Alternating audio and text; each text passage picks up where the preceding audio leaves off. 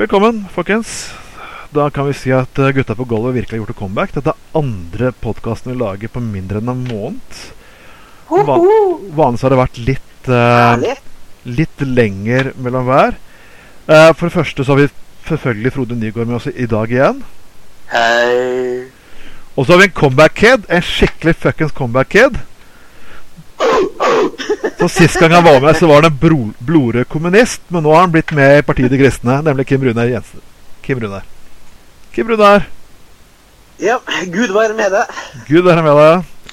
Du, har- beveget deg litt politisk siden vi hadde den der sendingen her på, på, på Radio Arbeid i sin tid. Eh, nei, egentlig ikke. Det har bare flytta til motsatt side av landet. Og blitt uh, tuppa ut enkelte plasser og tuppa inn enkelte plasser. Tuppet ut.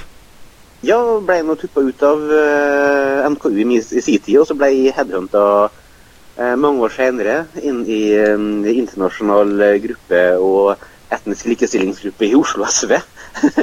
Var medlem der i et års tid nesten før at jeg ble medlem av partiet. Etnisk likestillingsgruppe. Ja.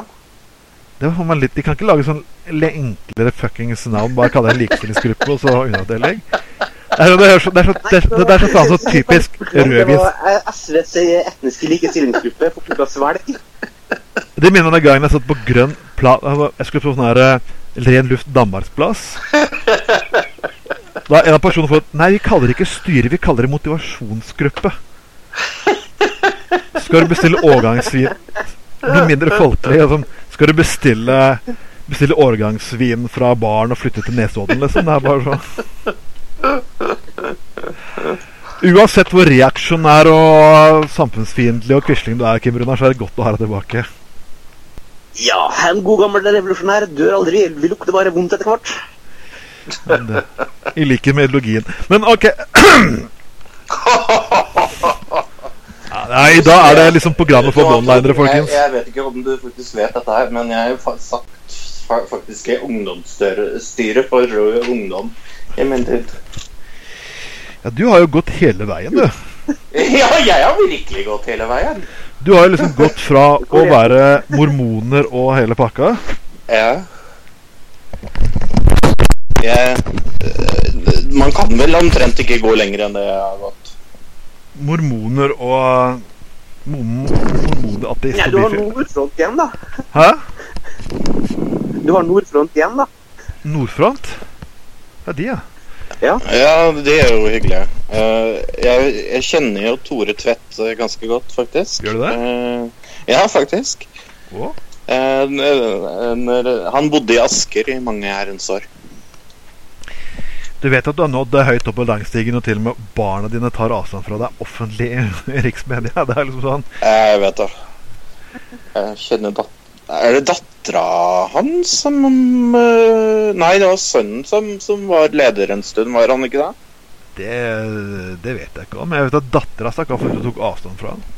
Ja, det er jo dattera jeg kjenner han igjennom. Jeg er ikke så godt det familien sier. Ja, men det er liksom sånn der, Han er liksom ikke familiens sorte får, han er på en måte en hel jævla bunch. Å, en sorte bunch. Den sorte bunchen. Ja, nei, men det er jo ikke det, det. Uh, folkens. Men det var litt morsomt, for det, kan jeg få lov til å fortelle ja, den historien litt uh, for, fort? For at uh, han bodde eh, på Sem gård, eh, som er lett utafor Asker. Eh, så bodde han ikke så veldig langt unna der. Ja, veldig ålreit sted. Men han bodde liksom på andre sida av, eh, av eh, der på en måte hovedinngangen er.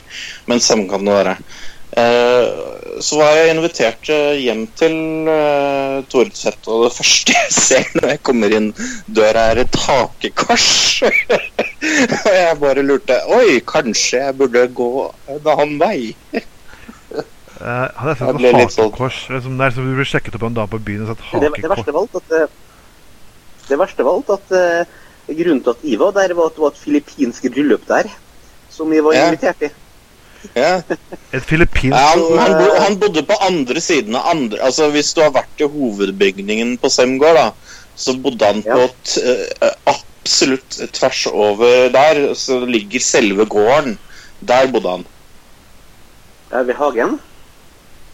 Nei, nei, nei. nei. Altså, du hadde hvis du, hvis, du, hvis du ser på en måte det hvite uh, inngangshuset, det uh, store hvite huset, der dere hadde festen Ja.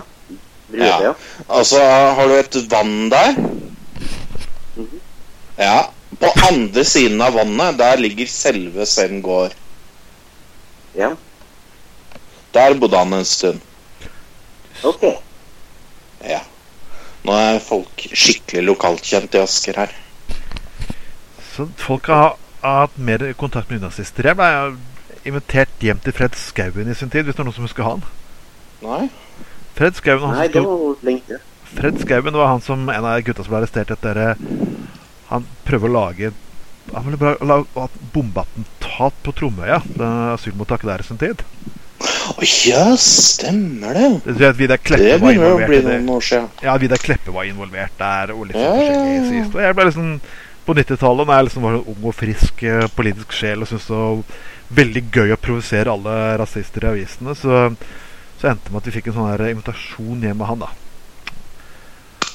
Da han Men du, hva skjedde, altså?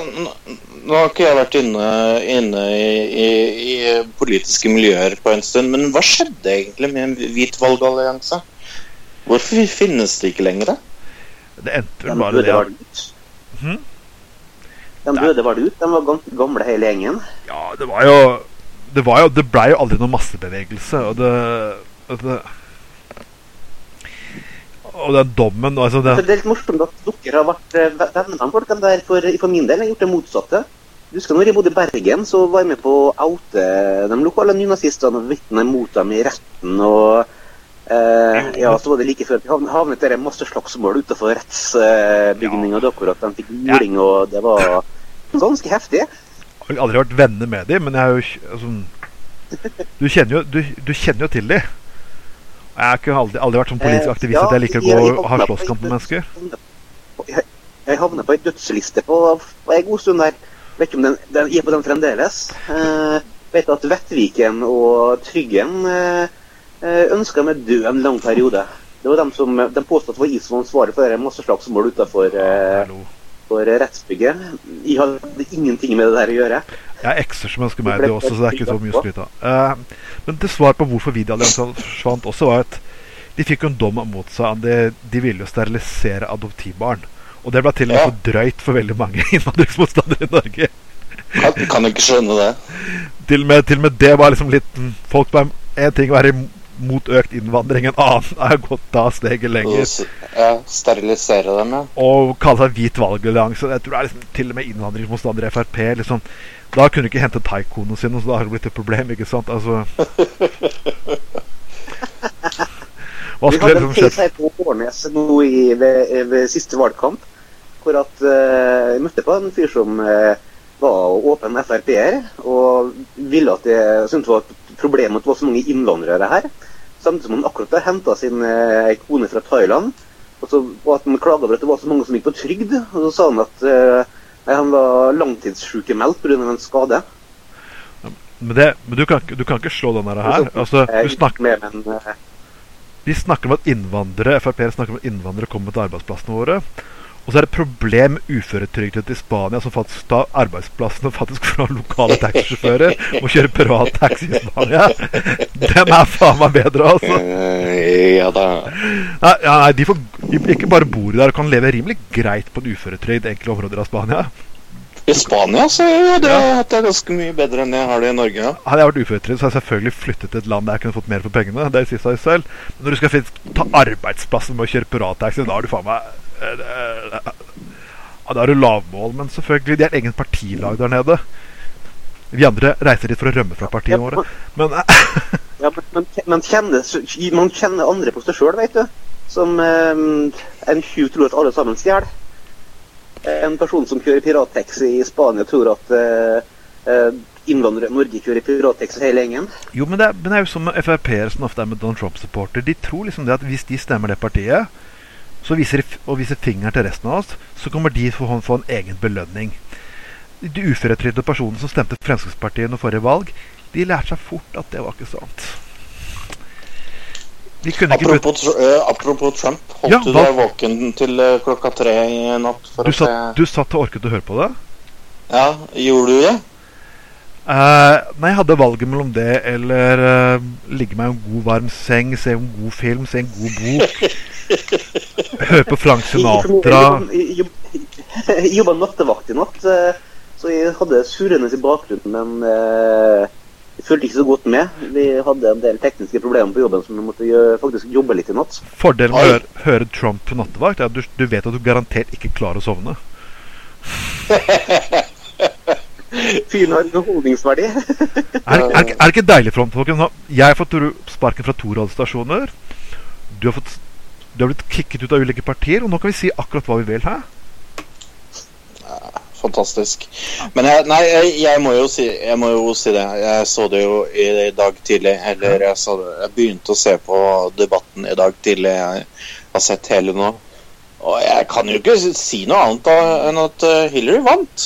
Hillary vant uh, denne runden her. Jo, men jeg- Hun det- gjorde det bra. Det her minner meg Hun to gjorde hjemmeleksaksene og har forberedt seg på det her i flere uker eller måneder. Jo. Mens Donald Trump han tok ting på sparket. Ja. Og det å ta en spansk en, det er ikke like lurt som å gjøre hjemmeleksene sine. Nei, kan du ikke Nei, og så er det et eller annet med å avbryte hele tiden. Han var jo så innmari på henne hele tiden. Jo, men, Og hun avbrøt jo ikke han en eneste gang. men altså, Trump kan jo ikke ta en spansk en lenger, med tanke på forhold til latinoene. Nei, men bare en liten ting da, som NRK-kommentator sa i dag, er jo at, eh, det hjelper ikke. Hans velgere er jo anti-establishment. De liker jo ikke politikere uansett. Så at han opptrer som ikke-politiker, er bare fordel. Det, Ja. det det kan hjelpe Hillary, er de personene som vanligvis stemmer, som, som vil protestere mot å stemme. Så nå Mm. begynner å skjønne alvoret at OK, vi må nødt til å fuckings stemme Hillary. Hun er ikke Bernie Sanders, men OK, alternativet Det uh, Ja, det er som å tørke seg ræva med sandpapir, altså. Men det som, er, som vi kan lære av der eh, eh, forløpet til valget nå, er at uh, veldig mange folk i de to store partiene er Ja. dritlei av partiene sine. Ja, de De, det. blant, blant demokratene var det ganske nært før at Bernie Sanders fikk flertall. Mm. Og i, blant republikanerne så var det den store favoritten til The Establishment. Jeb han uh, Lættis. Ja. Det, si, det sier jo litt når han er litt liksom anti eh, Liksom den som på en måte skal holde dem utenfor på en måte den store, eh, gode gryta. Det sier jo litt at det er det som skal være han. Hadde, hadde han blitt kandidat, så kunne de brukt kunne sinte demokrater som opplevde valgfiske i 2000, bare sagt at det var jo, da var han guvernør i California. Var det ikke han som var guvernør da? I California? Eller Jo, jo, jo. jo. Det var og, ga, og ga seieren til broren. Demokraten hadde jo hatt et race de kunne kjørt med skittenkampanjer som bare faen. ikke sant? Men jeg, jeg, jeg intervjuet jo for noen par uker For en par måneder tilbake en politimann i USA som heter Larry Kirk. Og han sa jo til meg at de, altså, han var jo en del republikanske partier, men de også var drittlei av sine egne republikanere. For dette her var jo personer som reagerte ganske kraftig på den anti-innvandrerbølgen. Og veldig mange Mange replikanere er også libertari libertarianere som overhodet ikke deler dette innvandringssynet. De står for mange Mm. sprø meninger, men de står i hvert fall ikke for en rasistisk innvandringspolitikk. Og hvis du ser Reagan når han debatterte eh, mot eh, senior Bush under innovasjonskampen på, på slutten av 70-tallet, eller begynnelsen av 80, så var jo han en helt Han har en helt annen linje enn der Trump er i dag. Nei, selvfølgelig Meksikanerne skal få lov til å komme han, har, han har faktisk gått såpass langt som å eh, annonsere at han kommer til å stemme på Hillary eh, ved Ja, ikke nå. Han har det, faktisk. Og det er jo at det er jo alltid morsomt når Carl I. Hagen sitter og ser på Ronald Reagan og sitter og sier at han er en av mine. Ja, Ronald Reagan var faktisk mer innvandringsvennlig enn det Frp var. Det er, noe, det er, ikke- det er ikke tull heller. Videoopptakene på YouTube viser jo. Men jeg blir jo litt glad, da. Uh, oppi all jævligheten at eh, selv Sylvi Lysthaug går ut og sier det at nei, jeg liker jo ikke Trump. Altså, jeg blir jo litt glad for det. Men jeg blir jo veldig mener mer glad når Carl I. Hagen sitter og sier at Trump er som meg. Det er ikke akkurat når jeg får, for god følelse. Hører. Nei, jeg, jeg, jeg er ikke helt sikker på om jeg, jeg syns Carl I. Hagen er fullt så jævlig som Donald Trump. Det, det er eh, Det, det blir litt eh, å ta litt mye i. Jeg tror vi skal lete ganske lenge eh, nede i historien eh, til å finne noe som er verre enn Trump. Ja, altså vi, vi Ja, jo, det. Jo, jo, Norge, da. jo, men er det én person. Du husker han, Kim Runar? Dan Quayle? NKL. Dan Quayle. Visepresidenten Quayle, ja. Det var da det republikanske partiet begynte å ta fullstendig inn på Looney Tunes-linja. Når de tok opp til han som visepresidentkandidat. Det gikk rykte Ja, faktisk om at CIA ville knerte Dan Quayle var nå visepresident under uh, Bush den eldre. Ja, det var han. Og han Ja, han var det. Og han var jo, han var jo litt Donald Trump-aktig og lignende hans.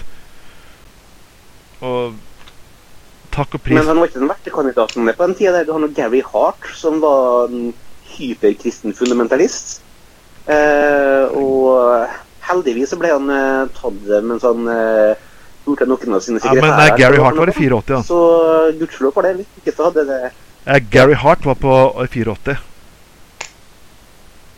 Ja, han prøvde seg i 84, tror jeg. Han prøvde seg i 88 òg. Nei, da var det en annen Da var det du, da Ducates var eh, presidentkandidat da for Demokratene. Å, herre jemini. Nei, han, han, var- nei, han, han, var- republikaner. Gary Hart. Hva var det? Var det han prøvde, han prøvde seg, men ble slått ut ganske tidlig i nominasjonsprosessen. Ja, det var han som hadde den båten som Monkey Business. Ducates. ok. Ua, uansett, eh, Looney Tunes. Men alt i alt Kom det noe mer ut av debatten som vi egentlig trenger å vite?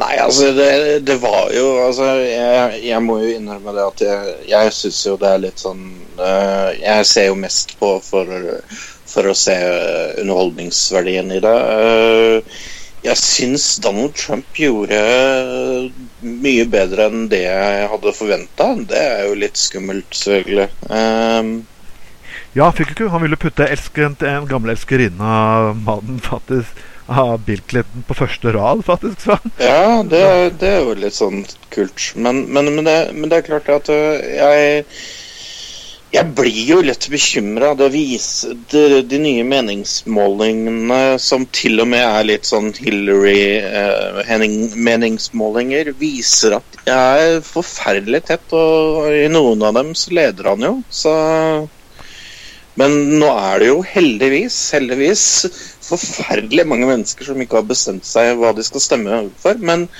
jo mindre folk som stemmer, jo mer eh, sannsynlig er det for at eh, Trump blir eh, president. Er Sånn er det jo bare. Det, det, er, det, det er en annen ting. Jeg si en del positive ting om Trump og hans politikk. For han har han appellerer til en del folk i og med at han har vært ganske kritisk til TTIP og TISA. Og Ja, i tillegg så har han ikke det samme track record som det Hillary Clinton har angående utenrikspolitikken. Han, Ja, det, det skal jo eh, ikke så jævlig mye til, da. Ja.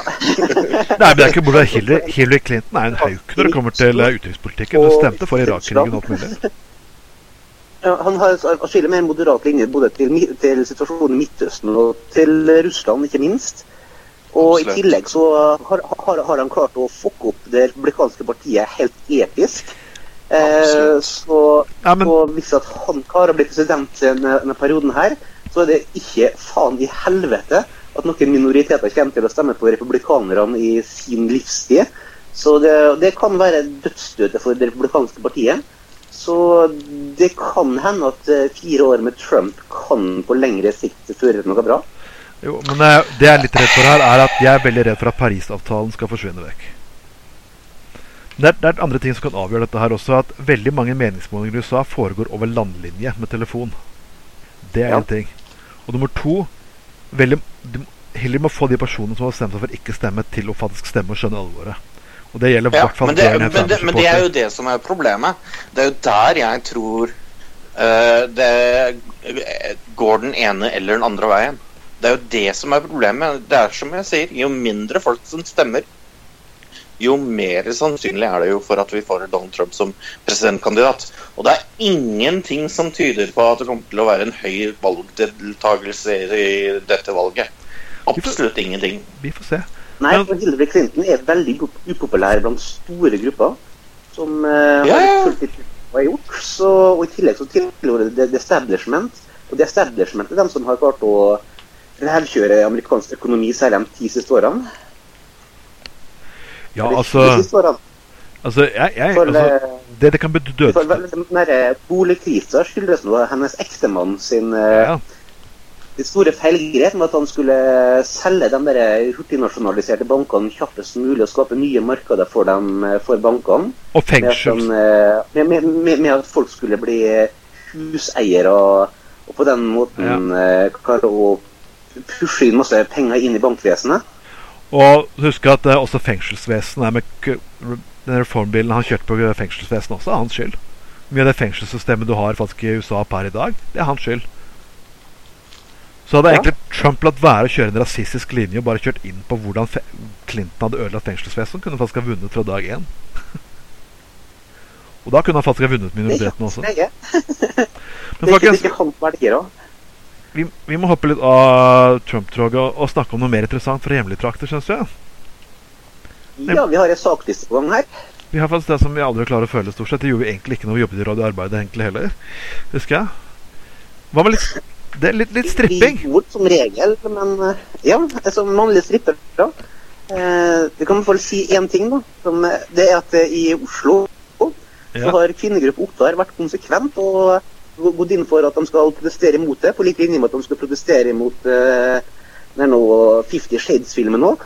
For uh, det var kvinneundertrykkende på et eller annet vis. Uh, Sjøl om det var kun var kvinner som var der som, uh, for å se på både filmen og som kom til å se på uh, skippendelerne. Ok, du eh, Trond, du kan bare nevne hva saka gjelder. Ja, det er jo faktisk at en feminist syns det er supert at kommunalt foretak arrangerer strippeshow. Det er komitéleder og feminist Marta Hofsøy Ap ønsker strippegruppen Chipnes velkommen til Tromsø. Hanne Stenvåg i Rødt er ikke like entusiastisk, men det er greit så lenge det ikke er kvinnelige strippere. Og det er, det er akkurat du kommer inn på det. Jeg syns i hvert fall de personene eh, Fem fingre opp der i Oslo har i hvert fall et prinsipielt syn på begge veier. Det syns jeg er mer eh, Ja, men hvorfor for polarsirkelen så er dobbeltmoralen eh, absolutt levende. Jeg trodde egentlig det skulle kun skje i bibelbeltet, men ok, eh, der jeg bor. men eh, hva er egentlig forskjellen, egentlig? Burde ikke egentlig en Rødt-entusiasten Hanne Stenvåg være mot begge deler? Jo. Hvis det er snakk om salg av sex og hun, kroppen? hun, hun er vel sikkert kvinne og heteroseksuell, og da likevel det hun har lyst til å se på. Så, Ja Det, det føles dobbelt så godt som vanlig moral. Ja, så klart du gjør det. Og I tillegg så kaller de det Nei, det er ikke, strippeshow, det er danseshow. Eh, Ja, men ikke alle eh, Jo, men- men- men dobbeltmoral. Hadde du hatt- Danseshow, egentlig? Hadde jeg, hadde jeg, hadde jeg arrangert inn uh, si 16 uh, amerik russiske kvinner og hatt et show i Grieghallen Først hadde jeg ikke fått lov til å ha det i Grieghallen. Nummer to hadde jo vært eh, en ring rundt av demonstranter. Men så er ikke, er, ikke, er ikke en del kvinner her egentlig bare dobbeltmoralister. Hvis ikke skal de være imot Hvis de mener at det er salg av kropp, så må de være konsekvent imot begge deler. Ja, men tenk på det positive som stripping har ført med seg, da. For Side Brok sin første konsert var den en oppvarmingsband for en polsk stripper eh, i Ørsdal og Volda. Så det har ført eh, en del positive ting med seg, stripping òg. Sidebrokk var oppvarming for en strippeshow. Nei, Side Brok er store Ja, det- store hiphop fra Sunnmøre. Ja, det, jeg husker det, men var de oppvarming for et strippeshow? Ja, det var deres første konsert. De var oppvarmingsband for ei polsk stripperske på Sunnmøre, enten i Ørsta eller Volda. Jeg husker ikke hvor det var. Eller som før, når et Ok, jeg, jeg, får si det. Når et band har Man må begynne fra bunnen sjøl som store artister. Jo, men, men hør her. Hvis et rockeband har en oppvarming, så er det liksom et, kanskje årets et rockeband som gjør at folk kommer i stemning. Skal jeg liksom sitte der med en halvståkuk under strippeshow, så er det ikke om sidebrukk skal varme meg opp akkurat. Det er det. Det- det, det, er liksom som at- Det er liksom som at kvinnen ber kjæ- kjæ- kjæresten min sier at kanskje vi må ha et vorspiel først, og så kommer det en mann og sitter og snakker om Terra Vesaas liksom først. Altså, det er liksom Ja, ja, men det passer noe bra inn, da, for eh, ja, sånn det, Hvis du ser på hiphop-estetikken, så ligger den ganske nært opp til gangsta, stripping, masse rumpa, visstnok. Ja, ja men eh, Sidebrok er sikkert veldig hyggelige karer, men altså Jeg vil si sånn en, erotisk tilsnitt til norsk hiphop-litteratur syns jeg ikke, ikke kanskje de er. Uh, sidebrokk. Oi, oi, oi. Det, det, det, kan jo, det kan jo være interessant, men um, for, polsk for en polsk stripper Hun er OK. Hvem var det som fant opp den ideen her, egentlig? Det vet jeg ikke, men de har sagt det flere ganger i flere intervjuer hvordan deres første konsert var. Og det var egentlig bare sånn litt improvisert at de ble invitert til å, ja, til å være en del av showet, og så kom hun etterpå og var hovedattraksjonen. Men jeg er, jo, jeg er jo litt enig jeg, jeg, altså Nå er ikke jeg noe så veldig glad i sidebrok. Det er kanskje ikke eh, min eh, kopp med te når det gjelder rapp, rapping.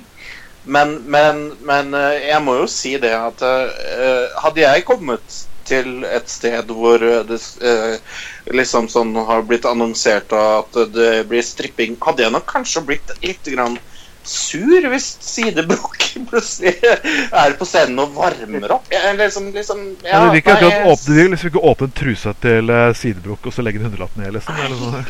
liksom ikke helt. De får liksom ikke akkurat samme effekten liksom hvis de tar en liten sånn lapdance på deg. liksom sånn Nei, ikke helt. En liten private show på bakrommet liksom i bøttekott eller et eller annet. Det liksom ikke akkurat det samme. Nei. Ja, De hadde noen hits som het 'Riste på raua', da, så uh, hvorfor ikke? Åh, herre, men det, jeg... jeg hører ordet 'raua', så blir jeg alltid like kåt. Liksom. Det er bare det. altså, jeg bare føler det som bygger opp noe inni kroppen min som gjør dette her knallbra. Ja. Nei, folkens, vi må, vi må bli, bli, litt mer seriøse. Vi, vi, må snakke om nye politiske bevegelser. Ja, finnes det? Ja, faktisk. Det er, jeg tror det er Lynn Myrdal. Hun sier den elsker flere menn samtidig. Og hun har stiftet eh, landets første organisasjon for polymarøse personer. Å ja. De, ja. ja. Ja. Og ja, det, det, vil jo egentlig si det meste. At du kan gifte deg med flere personer, ha forhold til flere personer. og Hun, hun håper dette kan bli den norske neste frigjøringsbølgen, sier jeg da. Ja, det hørtes ja, jo fornuftig sånn, ut. Jeg tror at det var heller den typen som kommer til å gjøre swingerne til kjedelige folk, egentlig. Ja, Apropos mormoner, holdt jeg på å si. Ja, men altså Hvorfor skal vi Ja, akkurat. Altså, som Swingermiljøet er en del klin gærne middelaldrende kvinner og menn som liker å dælje løs på hverandre ja, uten klær. Mens Eller som Ja, det har vært verre å gjøre det med. Mens det der plutselig blir Da innser man at, at de der svingerne begynner å bli gamle og slitne, og potensen ikke er som den en gang var.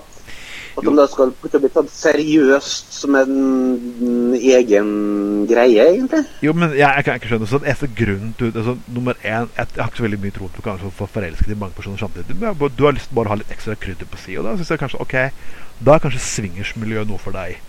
Hvis begge to er enige om det og syns dette er greit, så er det liksom kanskje fint. Da får du testet litt ut nye, litt nye ting, og så kan du gå tilbake til trygge rammer etterpå. Jeg, vet ikke om det er noe marked for en sånn type organisasjon. liksom Jurister hadde sikkert hatt det kjempegøy. De kunne satt med 15 utvalg og bruke enda mer skattekroner på å lage nye ordninger. Og ingen, ingen nekter at faktisk har flere forhold. Hvis folk har lyst til å leve på den måten. Men ha, hva, hva, hva, er det egentlig ute etter? Liksom at de skulle lage en statlig ordning for er dette her? Jeg vet ikke. Nei, sånn hvis at du ja, har begynt å Hvis du, hvis du er sammen med ei jente og begynner å rote med noen andre, ja. eh, så kan det være en fordel å ha en eller annen legning å legge skylda på, da, og ikke bare at Nei, nei jeg, jeg, jeg, jeg var ikke utro, kjære. Jeg var ikke utro, jeg lover. Jeg er bare født sånn. Ja, det er jo sexavhengighet. Det er mange som har lagt seg inn på klinikker for det. Ja,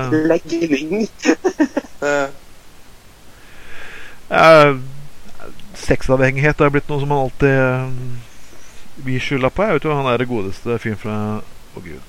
Gode, Nei, ta X-Files David Cockney ble jo lagt inn for det. Ah. Mm. Men, men, du vet at uh, i USA så er det ikke den uh, anerkjent uh, diagnose blant psykologer og psykiatere? Polymoni?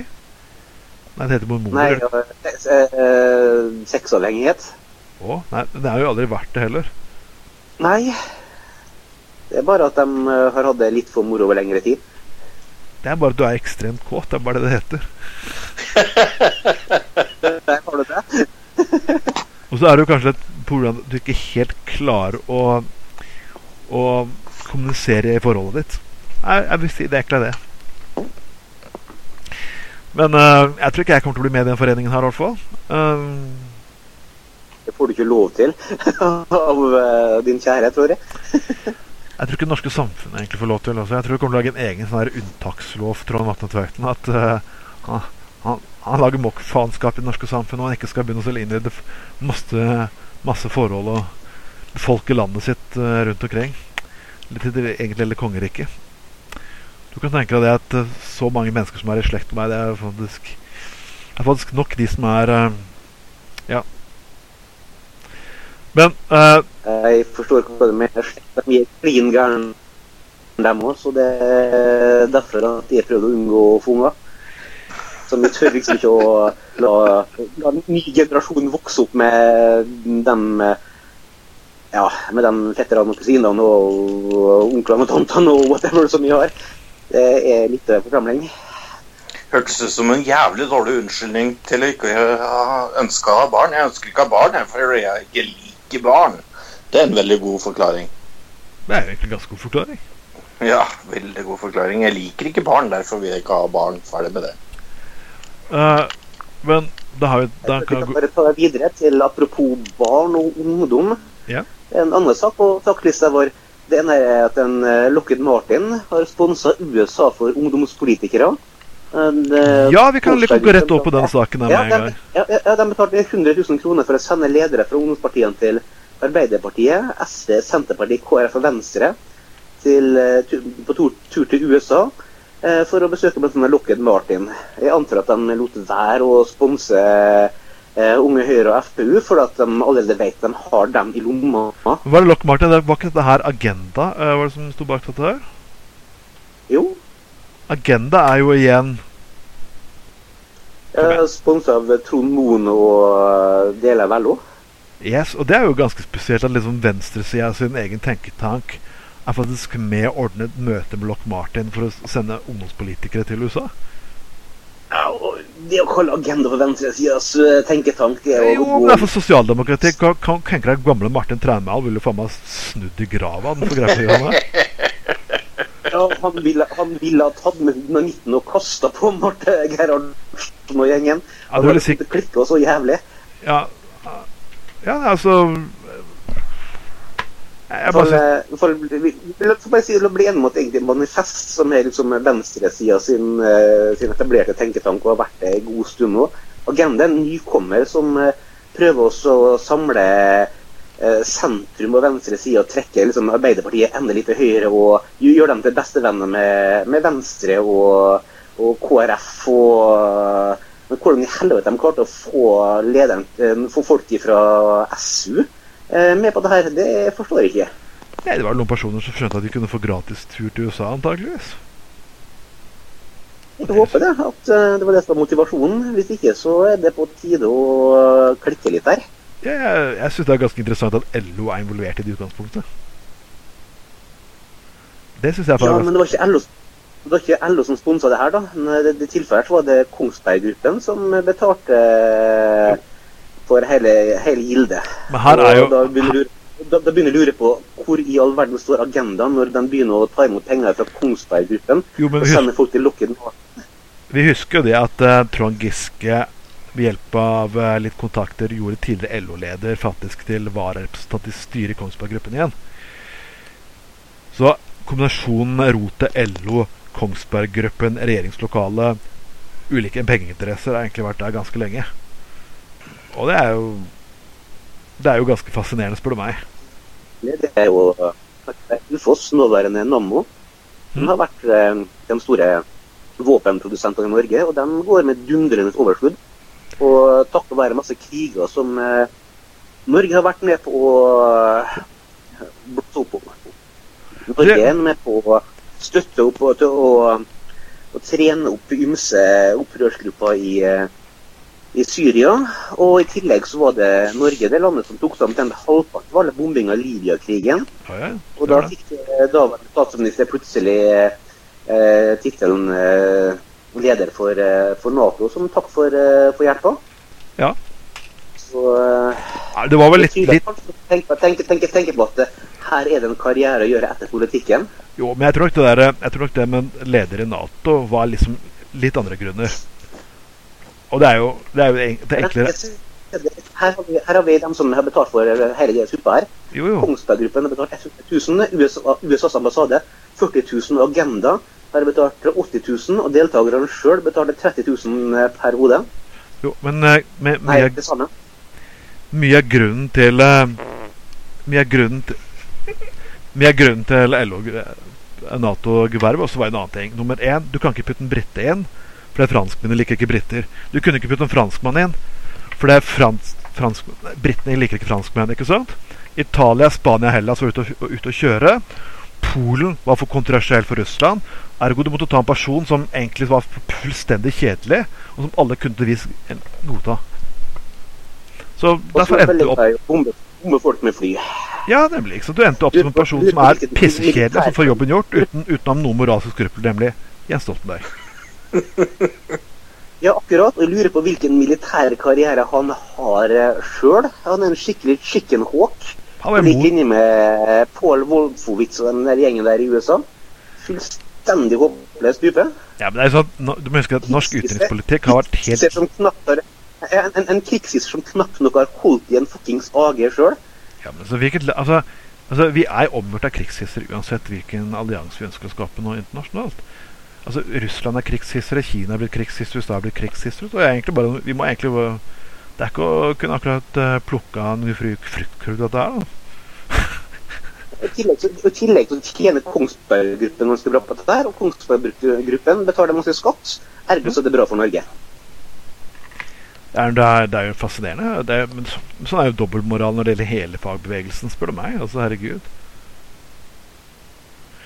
Eh, Jeg har liksom aldri stemt Arbeiderpartiet, så jeg føler meg litt sånn der utafor. Jeg, altså, jeg klarer ikke å bli så veldig sint på dem heller. Men det, men, men, men det er jo klart at øh, jeg, jeg, jeg legger jo merke til at dette her skjer. Det vil jo ikke akkurat tilsi at jeg er mer sannsynlig til å stemme, stemme partier som gjør dette. Ja, men det er ikke noe for, som norsk, Altså, stemte Arbeiderpartiet nok gang, så vi kommer neppe til å gjøre det heller. Ja, men- Men altså, det er ikke noe forskjell på norsk utenrikspolitikk, uansett hvilket parti du stemmer. Altså, Det er ikke noe forskjell på regjeringsalternativene i dag. Altså, Du stemmer jo ikke For nummer én, norske velgere driter opp i utenrikspolitikken. Utenom folk i SV, delvis Frp og i Rødt. Resten av, befolk resten, av befolk resten av velgerne bryr seg egentlig fint lite om utenrikspolitikk. Hvis ikke, det dreier seg, hvis ikke det dreier seg om nei til EU og nei Kristin Krohn, da, som eh, da hun var eh, utenriksminister, at hun møtte Wolfowitz og gutta i eh, en kjole som bestod av Stars and Stripes, stort mer underdadig enn det der må du lete lenge etter. Men kan du gi meg Så Gi meg ett regjering som har vært de siste 50 årene som har kjørt en under, under forrige regjering så, så, så, så prøvde man i alle fall ikke å være underdadig. Da var det alle sammen ned på kne, kysse beina til, eh, til statene. Det var kvalmende og ekkelt. Det- Men kan du forskjelle meg, eh, her var typisk noe noe sammen. men kan du forskjelle meg et regjering etter 1945 som har kjørt en alternativ utenrikspolitikk? Ingen. Nemlig ingen. Så liksom, Uansett hva du stemmer på her i dag, så får du ikke en annen utenrikspolitikk. For det er faktisk norske velgere gir fullstendig faen. Det er så banna enkelt man, man ikke faen. Du husker, du husker i 93 at det var store demonstrasjonstog. Til sammen var det 110 000 i hele landet som demonstrerte imot at Norge skulle delta i krigen i Irak. Så det er stor entusiasme. Men når eh, politikere ikke lytter etter, så Jo, men blir det møfla ned. det, det er greit nok. Hvis du har, samler de mest dedikerte for en sak, så vil det alltid se ut som det er store tog i gatene. Men når folk går til valgurnene, så stemmer de faktisk noe helt annet. Det er der problemet ligger. Du kan ikke gå og demonstrere mot Arbeiderpartiets politikk i gatene for etter å gå og levere stemmeseddelen og stemme den samme Arbeiderpartirepresentantene inn. Og det gjelder, alle, det gjelder for alle partier. De forventer at demonstrasjoner i gatene skal ha noe å si for at partiene endrer eh, politikk når de er valgt. Og det har det aldri, aldri skjedd. I 93 så var det Bondevik som var statsminister, og han gikk på en kjempesmell der. Og se på hvor lite Kristelig Folkeparti er blitt i ettertid. Og, og Arbeiderpartiet, ja, Arbeiderpartiet holdt kjeft. Og, og, skal, og fikk mange poeng på at de eh, På at folk var forbanna på Bondevik og KrF. Og dermed så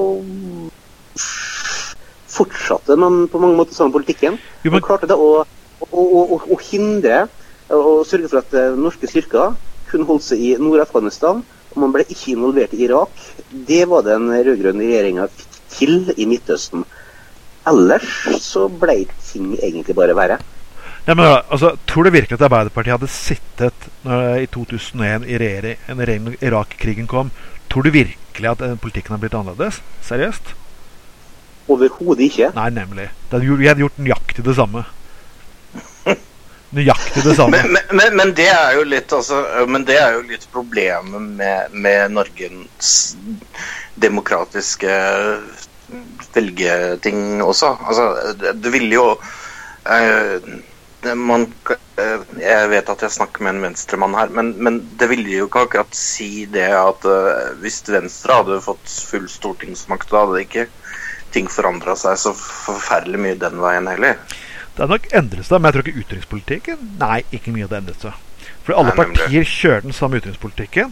Det har hatt greit forhold til Russland. At, uh, være på rassen til USA. Det er stort sett de, det er de to linjene som er. Og problemet er at å ha, eh, passe på at Nato vil stille opp for oss, som er alle partienes hovedprioritet. Ja, jeg er helt enig. Jeg er helt enig med Frode. Altså, jeg er helt enig med eget parti ville gjort det samme. Som en, en forskjell ville det vært uansett. da. Eh, jeg, det, sånn, man ville ikke hatt en Helgesen da, som satt i et år som eh, europaminister. Som var den, den mest underdadige liksom, hundevalpen som noen gang har sittet i en norsk regjering. Som han representerte ikke Norge eh, med sin interesse overfor EU, han representerte EUs interesse overfor Norge. Så Norge har, har i denne perioden her vært ekstremt underdadig til Brussel i tillegg. Men jeg, jeg mener å huske altså En av de mest morsomste tingene jeg har hørt noensinne i norsk politikk, er uh, når Arbeiderpartiet skulle lage Det norske hus, altså. Altså, jeg, Da lo jeg så jeg grein. Altså, Ja, men- jeg, Jeg syns faktisk synd på Jagland denne gangen. og Jeg skal forklare hvorfor jeg syns synd på Jagland. Okay. For det, for, det, for det Jagland var arkitekten bak det nye Arbeiderpartiet. Han og Førde var det gjennom hele 80-tallet. De dreiv Arbeiderpartiet til høyre og gjorde det spiselig igjen. Mm. Han var arkitekten bak mye av det Gro sto for. Mm. Men ingen i norsk media turte å ta Gro Harlem Brundtland. Og når Jagland kom inn, så måtte de ta igjen på en eller annen måte. Så det er, det Med er, spiselig mener du, mener du å gjøre Arbeiderpartiet mindre og mindre og mindre for hvert eneste valg? For husk at Jagland han, han satte et kompromiss at hvis han, eh, han man ville gå av hvis han ikke fikk det samme velgerresultatet som forrige gang, i Ja, 36,9. 36,9. Og siden Ja. den tid og, og det var det dårligste valget de har hatt siden, siden andre verdenskrig. Og siden den tid så har det kun gått nedover med Arbeiderpartiet i oppslutning. Så eh, det å gjøre Arbeiderpartiet mer spiselig ved å få det til- å bli mindre og mindre mindre i oppslutning eh, Jo, men det ja. ligner, men Jo, det men ligner problem- jo mer og mer på Høyre. du, kan, du, kan ikke, du kan ikke sammenligne Arbeiderpartiet Ja, på på, på, ja, på, på, på 90-tallet så var det faktisk eh, Høyre og Arbeiderpartiet var de to partiene som stemte mest likt eh, i flere år eh, på Stortinget. Ja, jeg tror det. Så, Ja, når det gjelder miljøpolitikk, når det gjelder kraftutbygging, når det gjelder oljelisenser og alt det greiene der, og forsvarspolitikk, så stemmer Arbeiderpartiet helt likt. ja, når, ja, og I tillegg så da europapolitikken på 90-tallet var de helt 100 eh, på stell. Det samme gjelder forholdet til USA. 100% likt. Men du må huske at det, Eller utenrikspolitikk, dette. det er en forskjell. SV kom jo på slutten av 60-tallet. Da hadde det noe å si på Arbeiderpartiet. Fremskrittspartiet begynte å komme seg opp på 80-tallet. Det er også noe for Arbeiderpartiet. Fremskrittspartiet har Mm. tatt mye Arbeiderpartifolk over til seg. Og veldig mye. Og det er, det er ikke kommet bort ifra engang. De har spist inn i disse velgergruppene. Jeg, jeg vil nok si det at Frp er mer Arbeiderpartiet det enn det Arbeiderpartiet er. De har nå de samme velgergruppene, ikke noe sånn den samme politikken. For, uh, Nei, nei, nei. Å nei, nei, nei. nei, nei jeg sier ikke det. det, det er den økonomiske politikken mellom Arbeiderpartiet og Høyre eh, Arbeiderpartiet og Frp er veldig forskjellig. Ja. Fra at Arbeiderpartiet har en litt mer glatt La oss privatisere litt i smug. Mens at eh, Frp har en eh, ganske eh, reindyrka eh, markedsliberalistisk politikk. Samtidig som at de beholder velferdsstaten. Så det, og det henger overhodet ikke på greip. Det, eh, alle AS-ene jo Arbeiderpartiet med å drive igjennom i, i regjeringen på 90-tallet. Ja, jeg veit. Alle Det var, husker, på, husker det gode gamle, det gode gamle uttrykket do not, 'do not upset me', hvor det var Kjell Opseth som prøvde å delprivatisere NSB. Noe som dagens regjering har, eh, er i full gang til å kjøre løs på. De skal bruke 100 millioner eh, som er satt av nå til eh, konsulentvirksomhet for å splitte opp NSB, NSB til flere forskjellige selskap. Noe som er ganske genialt, for NSB aldri- Og konkurrere med hverandre. Det morsomme er at NSB aldri har gjort det så bra som de gjør det nå. De har fått orden på organisasjonen sin. De har, en- nå har en knallorganisasjon. De har levert store overskudd. Og i tillegg så har Jernbaneverket klart å gjøre vanvittig mange bygninger. Så byggeprosjektet satt i gang. Eidangertunnelen på, på Østlandet er jo et kjærkommen sak som jeg tror veldig mange kommer til å bli glad i, som vi har vært snakket om i 30-40 år. Du har eh, smelt en tunnel gjennom Ulrikken her nå, som kommer til å hjelpe her på bergensområdet ganske mye. Og likevel skal de delprivatisere noe som faktisk fungerer. Jeg ser, jeg ser Storbritannia med F-fuckings én gang. Men de, de har jo fremdeles gjort en del eh, rare ting, da. Som Jernbaneverket var nødt til å flytte ut av sine lokaler, som var eid av Rom Eiendom, som eh, hadde NSB som hovedeier. Så NSB Nei, nå, nå, nå roter du til. Rom Eiendom er. Jernbaneverket, Jernbaneverket ifra, ifra sine lokaler, eh, når de egentlig er en Jo, og men- samme organisasjon. Men nå er det feil. Rom Eiendom er eiendomsselsk statens eiendomsselskap. Det er ikke eid NSB. Ja. Så det er, det er liksom fortsatt De leier det, ut til statlige til men- statlige etater. Ja, ja, ja, ja, men NSB er Norges statsbane, så Ja, Ja, De leier igjen av Rom Eiendom. Jeg husker når jeg jobbet på jernbanen som vekter, så hadde jeg liksom tre selskaper å forholde seg til. Hvem hadde ansvar for hva? Var det Jernbanen? Nei, de var Rom Eiendom. Nei, ok, hvem er det som egentlig leie hos er sjefene våre? Hm. Ok. Så jeg skal få orden på det. det Skal som, men det er jo det som jeg tenker på med, altså når det gjelder privatisering. Altså, jeg har vært i psykiatri nå i så mange år at jeg tør nesten ikke å telle lenger. Og jeg, jeg, jeg husker jeg snakket uh, med uh, Ine Marie Hva er det hun heter igjen? Ine Marie Eriksen, er fra Eriksen, ja. Takk skal du ha. nå forsvarsminister, forresten. Det er litt morsomt. Eh, Hallo? hva sa hun? Hva sa hun? Vi er veldig spente, uh, gode mann. Det høres ut som et eller annet er uh, galt med Frode sin mikrofon. Frode, er du, er du der? Er du der nå, Frode? ja. Der er du tilbake, ja. Fint, nydelig. Jeg trodde du hadde forsvunnet vekk fra oss. Ok. Nei, øh, nettet forsvant. Du var i Eriksen og psykiatrien. Ja, Ja. To sider samme sak. Jeg snakket, ja, jeg snakket med henne angående psykiatri, og hun ville da helprivatisere det. Og jeg, jeg blir jo litt skremt over hvor lite folk tror at ting blir privatisert. Jeg har et glitrende eksempel fra Asker. Er det noen som, av dere som husker Risenga-saken? Uh, nei. Nei. Nei, men det, uh, Risenga var da et sykehjem skulle, som skulle privatiseres da i Asker, og ble solgt til eh, selvfølgelig det eh, selskapet som skulle gjøre det billigst.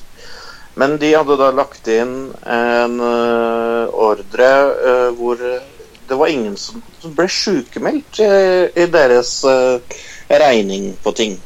Så når folk begynte å bli sykemeldte, så måtte de da ansatte nye folk ifra disse selskapene som gir folk eh, midlertidig arbeid og sånne ting.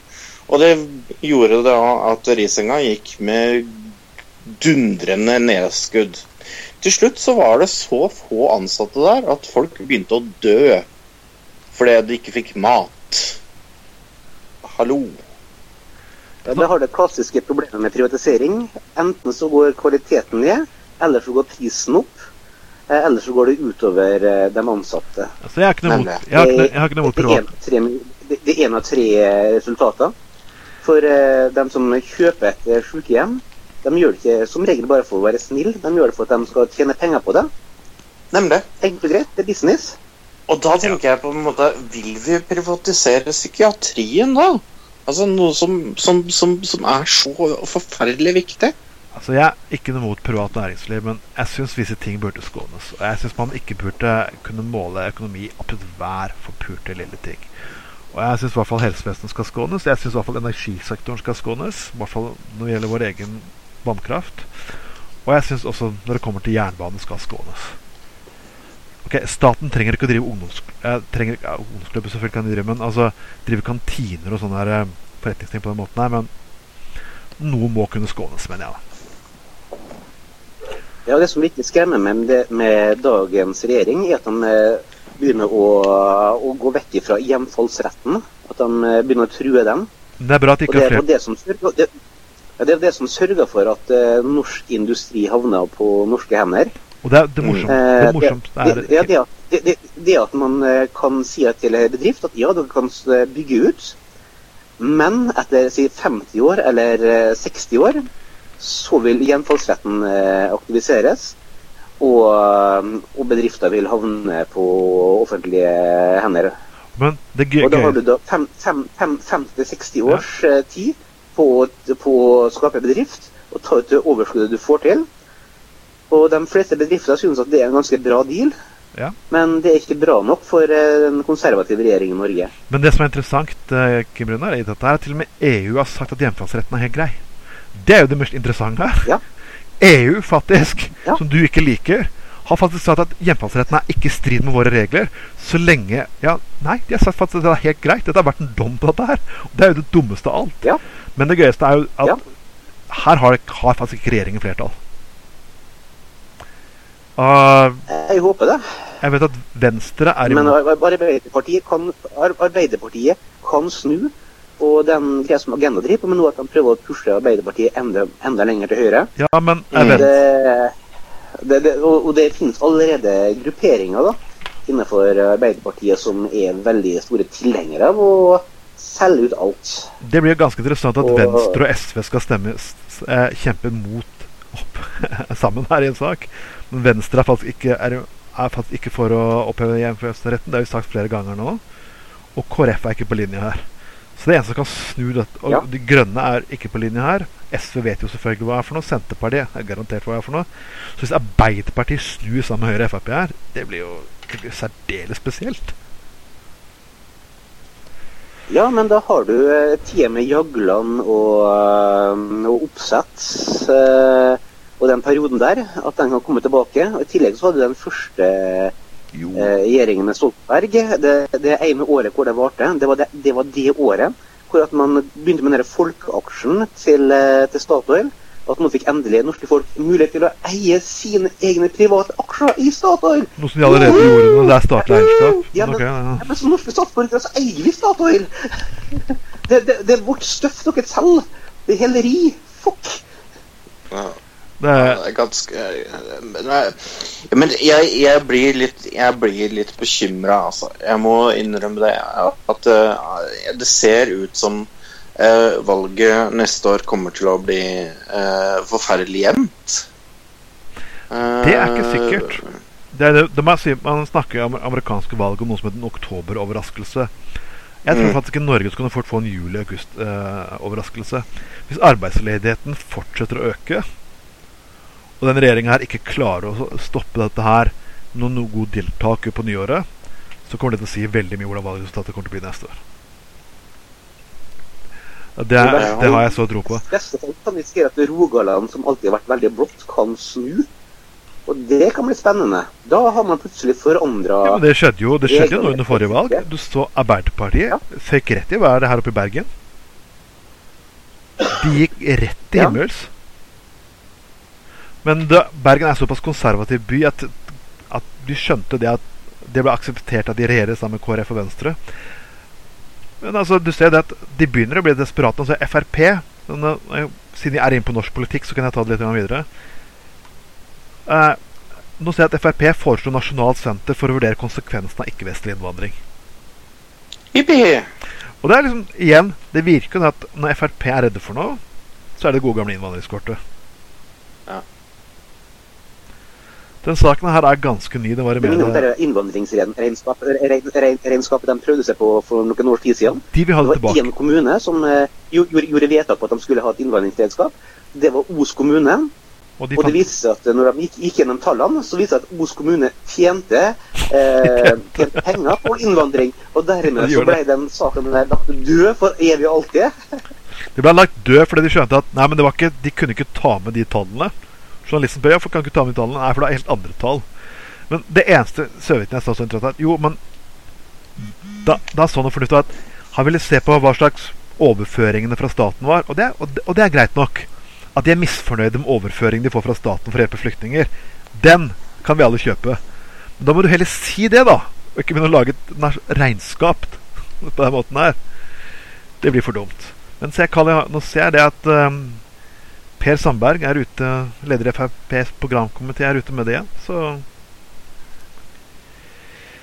og det morsomme er at et parti som ikke vil ha mer byråkrati, har lyst til å sette ned et eget senter. Vokst eh, til de grader eh, etter at eh, det kom en ny regjering. Det, det har, byråkratiet har alltid vokst i Norge, men det har vokst eksepsjonelt med den nye regjeringa. Men det har hovedsakelig vært fordi de har eh, begynt med jernbanereformen. De har eh, satt en del byråkrati inn i politivesenet, som ikke Ja. har fått oppklare noe særlig mer saker enn de gjorde før. I tillegg så har de da ansatt en del nye byråkrater i skolevesenet for å få til noe feste- og utprøvingsreforma si. Og eh, i tillegg så helsevesenet fått en del byråkrater skal gjennomgå Lean-prosjektet sitt. Så det, mm, og New Public Management-systemet. At noen skal lese de tallene som blir innrapportert. Så eh, ja, og nå har de da tenkt å få til et nytt, eh, en ny komité som skal ansette enda flere byråkrater. Som, hva skjedde med Carl I. Hagen sin store mantra om at man skulle slåss imot byråkrater og politikere? Vel, når jeg først er inne på Fremskrittspartiet Det ender jo at vi alltid går utover sakslisten, egentlig. Det, det skjer for meg hele veien. Uh, I. Hagen er sint. Han er veldig sint. Hadde bare, folk vært, hadde bare folk vært sånn som meg, hadde brukt meg i 2007 og 2009-valgkampen, så hadde alt gått så mye bedre. Men det er litt rart med tanke på at Carl I. Hagen to ganger har stilt som ordførerkandidat i Oslo uten at velgerne akkurat har fått orgasme av den grunn. Kom igjen, Kim Runer. Jeg vet at du har noe innabords nå, Se på I. Hagen. Nå høres det ut som en robot i en eller annen 50-tallsfilm. ja, det var veldig òg det. Men uh, Men for, yes! Da er det bare to igjen, da, gitt. Oss, meg og deg. Ja. Du og jeg og vi to. Vi forsøkte, å få, vi forsøkte å få Kim Runar inn igjen, og men det gikk fullstendig ikke. Men selvfølgelig Du kommer tilbake i ny sending, og Kim Runar vil jo komme tilbake i ny sending, ikke sant? Jeg kommer alltid tilbake. Jeg, jeg, jeg må lære meg å snakke norsk igjen, jeg. Så det Ja, det er bra. Du sitter jo på bygda der, så det kan være litt hardt å snakke norsk. Ja, det er fælt. Da gjemmer vi Kalle Hagen litt til Kim Runar kommer tilbake. For han, Kalle Hagen kommer sikkert til å finne på masse bullshit uansett. Men hva er det han har sutra over? Jo, han har jo sutret over det faktum at han ikke At han ikke får nok oppmerksomhet igjen. At han ikke blir tatt ned med nei.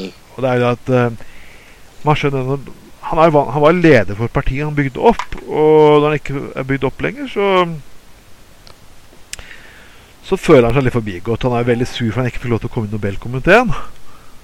Ja, det visste jeg. Uh, det var at Siv Jensen ikke hadde Ikke hadde brukt den tilstrekkelig, og alt det der pisset der. Men så, det er jo det er jo Carl Hagen. Altså, han, er jo, han er jo en liten forvokst guttunge, kan du si. da Men eh, det har han jo vært siden han kom inn i politikken, da. Ja, han, han har jo hatt et veldig sånn tett og nært kjærlighetsforhold til Lars Bonheim. De to har blitt uh, sett på ulike homsebarer og i sauner. Nei. Eh, De har hatt et litt anstrengt forhold til hverandre, kan du trygt minst si. Og, Ja, en smule. Og jeg, vi, dropper, vi dropper den. Lars, vi, vi må si noe om Lars Bonheim den sendingen, for det er så lenge siden jeg snakket om Lars Bonheim.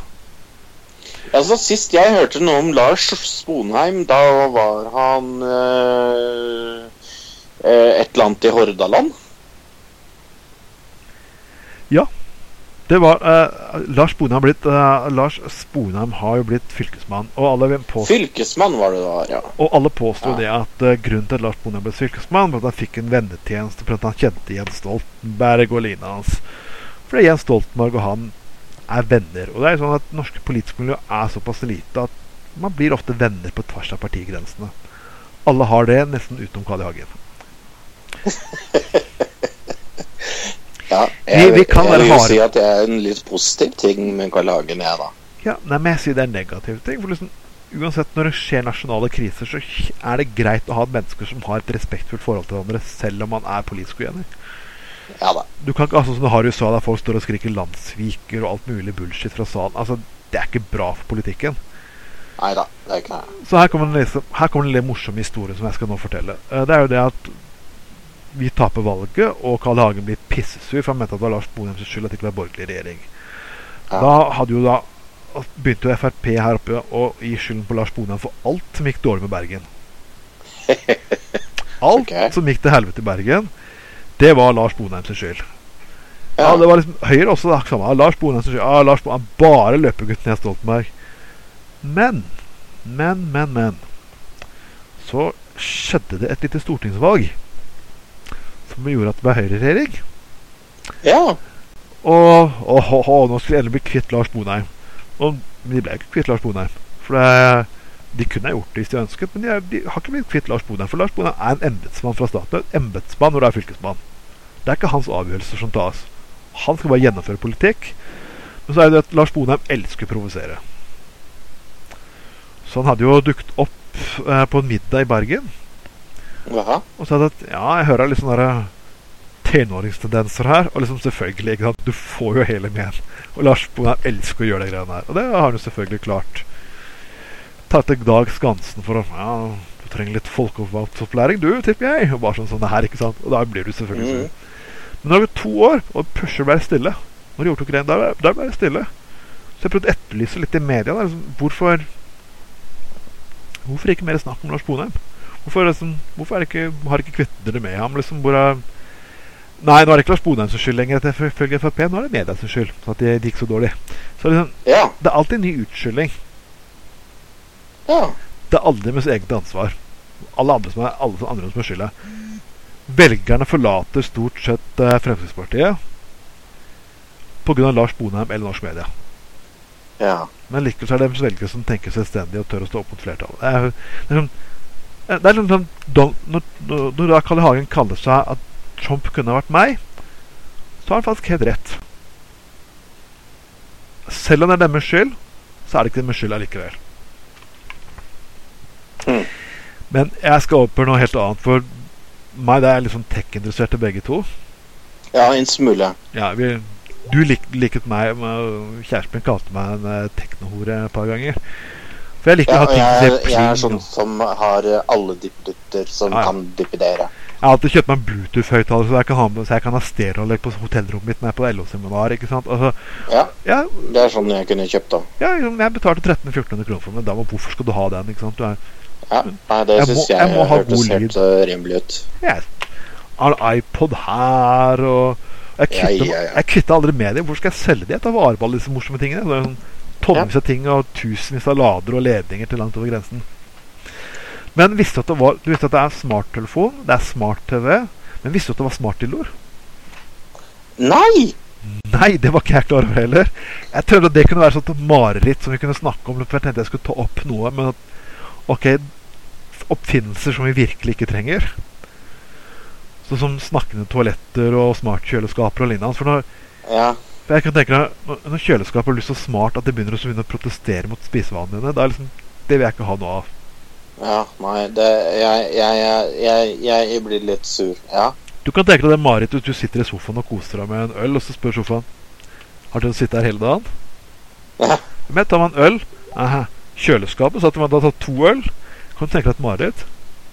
Eh, nei, jeg, jeg hadde drept det kjøleskapet. Jeg hadde Så jeg, det. så jeg skal ikke ha noen smartprodukter utenom en smarttelefon og smart-TV Nei.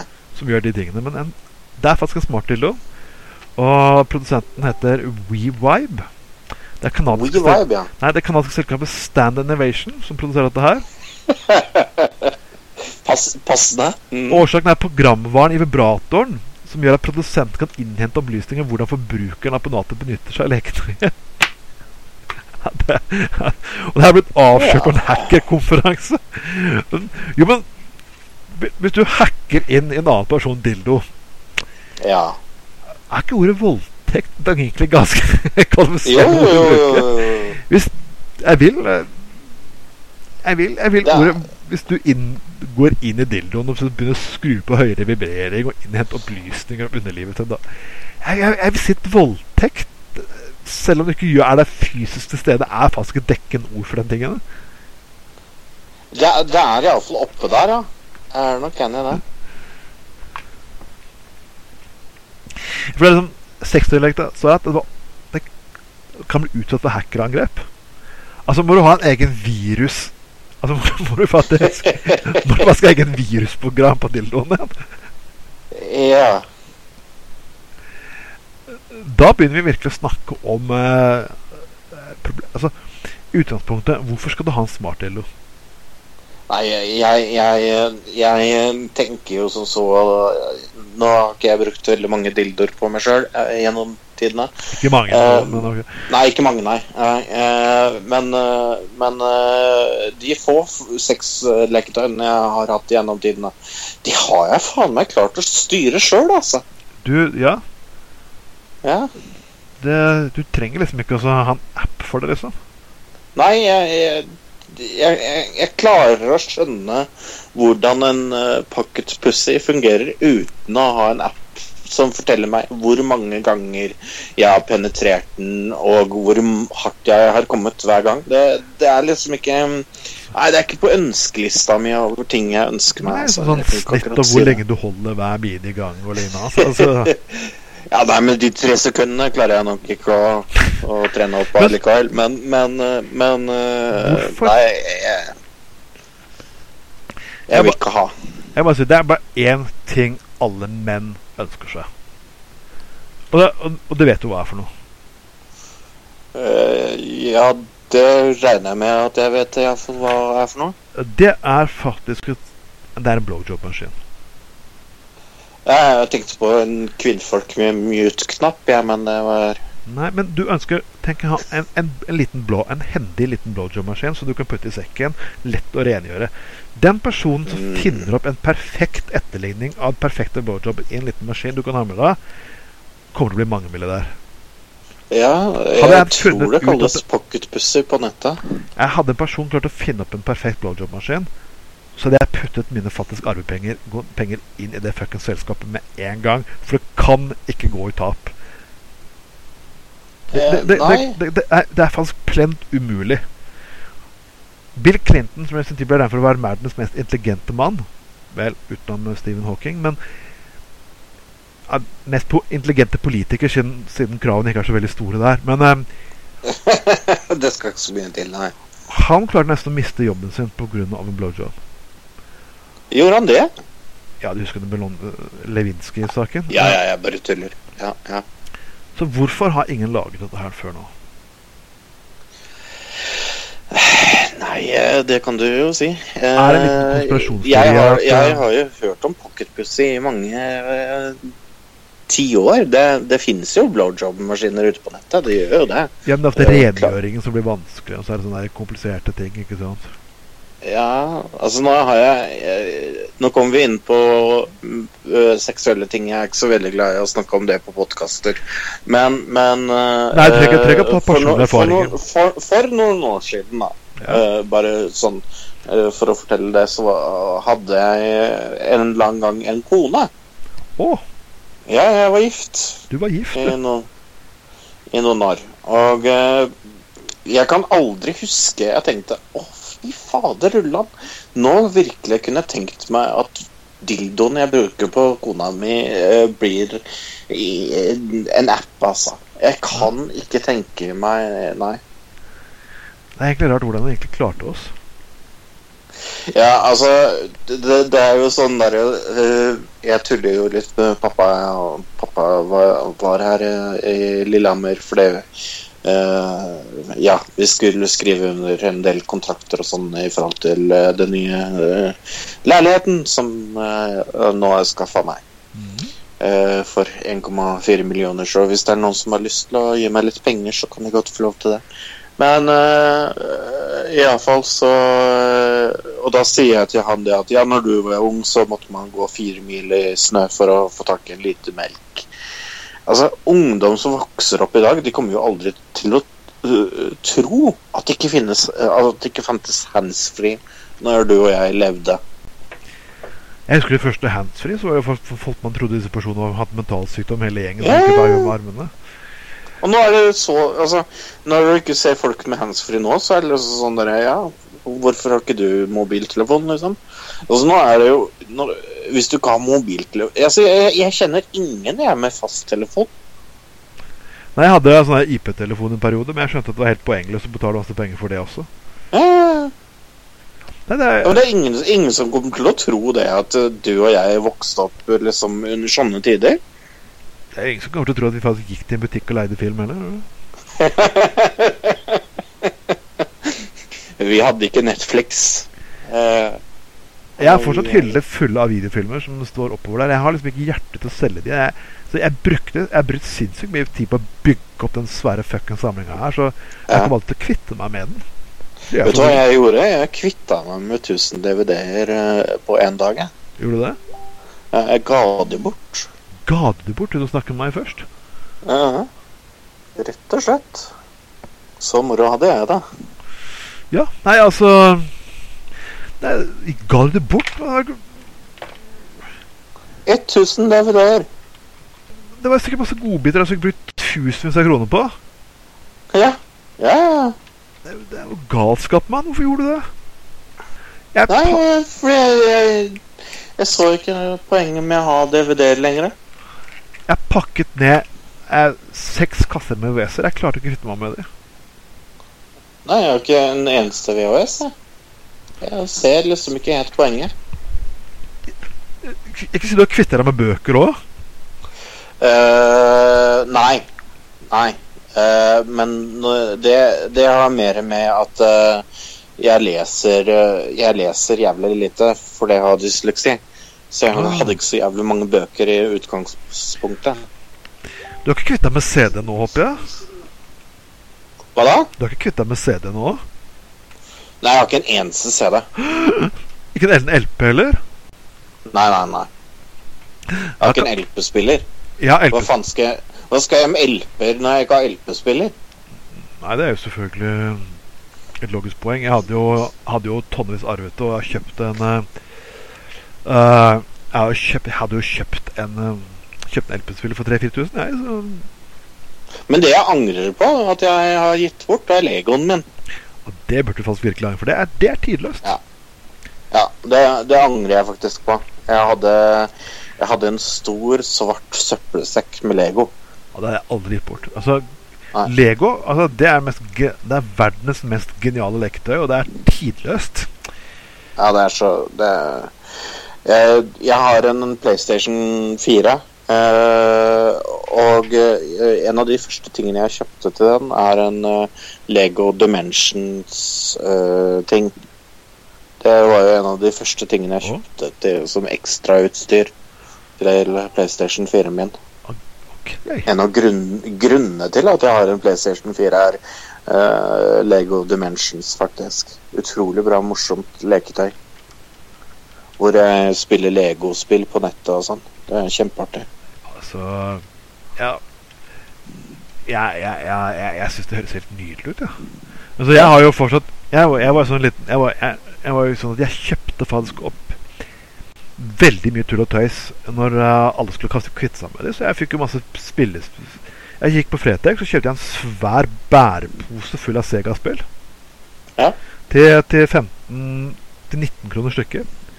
Og nå Ja. går det for flere hundre kroner på nettet, for alle hipsterne Ja. er blitt helt gale. Nå kan du selge det for uh, ganske mye. Folk spør skal du kjøpe retromaskin. Hvor skal jeg kjøpe retromaskin? da? Jeg har jo faktisk kassettene liggende der med spilleren bare klikker rett ned. Det, det tror jeg aldri kommer tilbake, da. Kassetter. Fy faen, så tungvint. Ja, jeg, jeg, jeg tenker på cartridger her til, eh, til spillemaskinene. Ja, ja, men jeg Nei, men husker, husker du altså, altså, Det er sånn her, Nå føler jeg meg veldig gammel. Sånn der, jeg husker når den første 90-minutterskassetten kom. Hvor stort det var. jeg, jeg husker bare at uh, en kollega var veldig fornøyd, for han hadde en kassettspiller i bilen. Som Oh, faktisk automatisk kunne spole fram til neste sang. oh. Jeg Du kunne få, du kunne få dobbelt CD-spiller, så du slapp å gå bort og bytte CD. Vi begynner å bli gamle, Trond. Jeg kjøpte meg CD-spiller òg, faktisk til 1800, 1800 kroner på Fifer-klubben. For jeg er nødt til å ha Jeg har mange CD-er. Ah, ja, ja, ja, ok. Det, det må jeg bare si, da. At Hifi-klubben og jeg vi er veldig gode venner. Så du har streamingverktøy hjemme som gjør at du får høre på lyden musikken bra. da Ja. Men altså, jeg skal, jeg skal tilstå Det er ikke en hykler. Jeg er ikke sånn som jeg, jeg, det, er, det er en side på Facebook som heter Platepraten, som jeg ofte pleier å gå inn og, og, og prate Alle folk kan fortelle om sånne nerdeting som de driver med, og vise alle platecoverne sine og lignende. Så det er sånn krangel. Ha. Bruker du virkelig eh, Bruker du faktisk virkelig Spotify og sviker og sviker? Ja, men seriøst, jeg kan faktisk ikke fylle opp leiligheten med, med, med mer plastikk og mer vinyl. Altså. Jeg tenker tenk til all, alle de CD-ene jeg, jeg har på Spotify-lista mi, det begynner å bli en CD-er. Altså, Men jeg, du, en ting jeg virkelig holdt interessen for, Det er faktisk at jeg alltid husker da jeg var liten, sette sammen og lage mixtapes. Det jeg for kjempegøy. Ah, fantastisk. Og jeg, og jeg gjør faktisk det fortsatt med Spotify. Jeg sitter, jeg sitter Yep. litt på tå Når jeg sitter på bussen og kjeder meg, så jeg sitter og lekt med Spotify. Ja. Og jeg lager Ja. en spilleliste som heter Tronds eh, depressive nevroser eller noe annet. Altså, liksom, bare for moro skyld. så den interessen har jeg ikke mistet ennå. Nei, men, men, men, det, men det er liksom sånne ting jeg lurer litt på. Altså, eh, for jeg tror altså, Vi snakket jo litt grann om forrige gang, så drev vi og snakka om at uh, generasjonen som er nå, den, uh, Ja. den uh, er snillere og, og greiere. Kan det ha noe med at teknologien er jævlig mye nærmere enn det den var når vi var unge? Jeg tror faktisk, tek jeg tror faktisk teknologien har har liksom gjort, gjort ungdommen latere? Nei, jeg tror det er faktisk en viktig ting. Uh, nummer, jeg, jeg tror flere viktige ting. Nummer én, byene er blitt større, og folk kommer tettere innpå hverandre. Da skjønner Ja. du at, at det, det er det som er, og da skjønner du at man kan ikke oppføre seg som man har veldig mye stor plass lenger. Det tror jeg faktisk er en ting som har skjedd med dagens unge. Mm. Og, og det at du får konsekven... Når du har så mye impulser hele tiden, så at du får konsekvensene mye nærmere inn på å lære av det. Så jeg tror faktisk bare at ungdommen er oppgradert til å lære seg å ta konsekvensene som ikke vi, vår generasjon, tok. Ja. Jeg tror, jeg, jeg, Nei, for, jeg, vil jo si det at altså, bare man ser liksom altså, jeg, pleier, pleier å bruke 11. september som, som på en måte den datoen som folk liksom husker. Eh, nå begynner det å, å finnes ungdommer som ikke husker eh, eh, når eh, tvillingtårnene datt ned. Altså, jeg, jeg ble 22 det året. Du ble det? Og, ja, Jeg jeg gjorde det. 25 år. Jeg husker det faktisk veldig godt. Jeg hadde vært på fylla Ja. dagen før og skulle forelesning dagen etterpå. For folk som eh, er der ute som lurer på når jeg har bursdag, så, så har jeg da det 11. september tilfeldigvis. Uh, så uh, mi, mitt forhold til 11. september er litt delt, for å si det mildt. Uh, men, men, men, men, det er liksom sånn der Det var det var når jeg var 22. Nå har jeg møtt folk. ikke sant? Nå vet jeg, nå vet jeg om barn og sånn, ikke sant? Som, Ja. som er født etter det. Og, og jeg tenker litt sånn derre hva, er det- hva er det vi kommer Hva er det vi gir barna våre? Jo, vi gir barna våre Trump. Vi gir barna våre eh, enda mer drit og møkk eh, og eh, bruke mer penger enn det vi burde. og ja, det ser ut som Europa er på vei til en storkollaps. Og Nei, det er så mye dritt nå, altså. Jeg, jeg, er, ikke, jeg er ikke helt happy med, med verden akkurat nå? Jeg bare sier sånn, vi, Før vi avslutter hele sendingen, skal jeg si at det er litt ord også. for at Husk, det er perioder med veldig mye faenskap, og du ser at ting går til helvete. Faktisk positive ting, kan, kan, kan skje. Mm. Altså, Europa aldri kommet seg gjennom hadde det ikke vært en krise og krise til krise til krise. Nå begynner folk å våkne opp. Og Bernie Sanders-revolusjonen, som ingen trodde på, den blei faktisk en revolusjon fordi folk begynte å stille opp. Så jeg, jeg, jeg, vet, jeg vet ikke helt, men altså Folk har begynt å skjerpe seg og bli, bli så late fordi de plutselig, plutselig fått en skikkelig oppvåkning. Så jeg tror faktisk at gode ting kan skje. Jeg er fortsatt optimist. Ja. Skal du få lov til å være Dette har vært en eh, Gutta på gulvet av eh, det man kaller en eh, Jeg kaller det selskapet jeg kaller nå Trond Pod Productions. Hører ikke det nydelig ut? Jo, nydelig. Eh, Med sendingen har vært Frode Nygaard. Eh, Får jeg, lov til å, jeg lov til å pimpe det noe før vi stikker? Ja, det er selvfølgelig lov til å pimpe på dette showet her. Ja, eh, det er eh, Another Digital Citizen. Det er en amerikansk podkast. Den burde du sjekke ut. Der er blant annet Trond. Trond. Og vi skal legge en link til en fall på Gutta på Golf sin side også, så når podkasten blir Ja, lagt ut, takk. så kan dere gå og høre den. Og så kan dere høre på Gutta på gulvet, så kan dere få ja, litt eh, best, beste fra to verdener. Ja. Kan du høre eh, meg med litt, eh, litt annerledes aksent?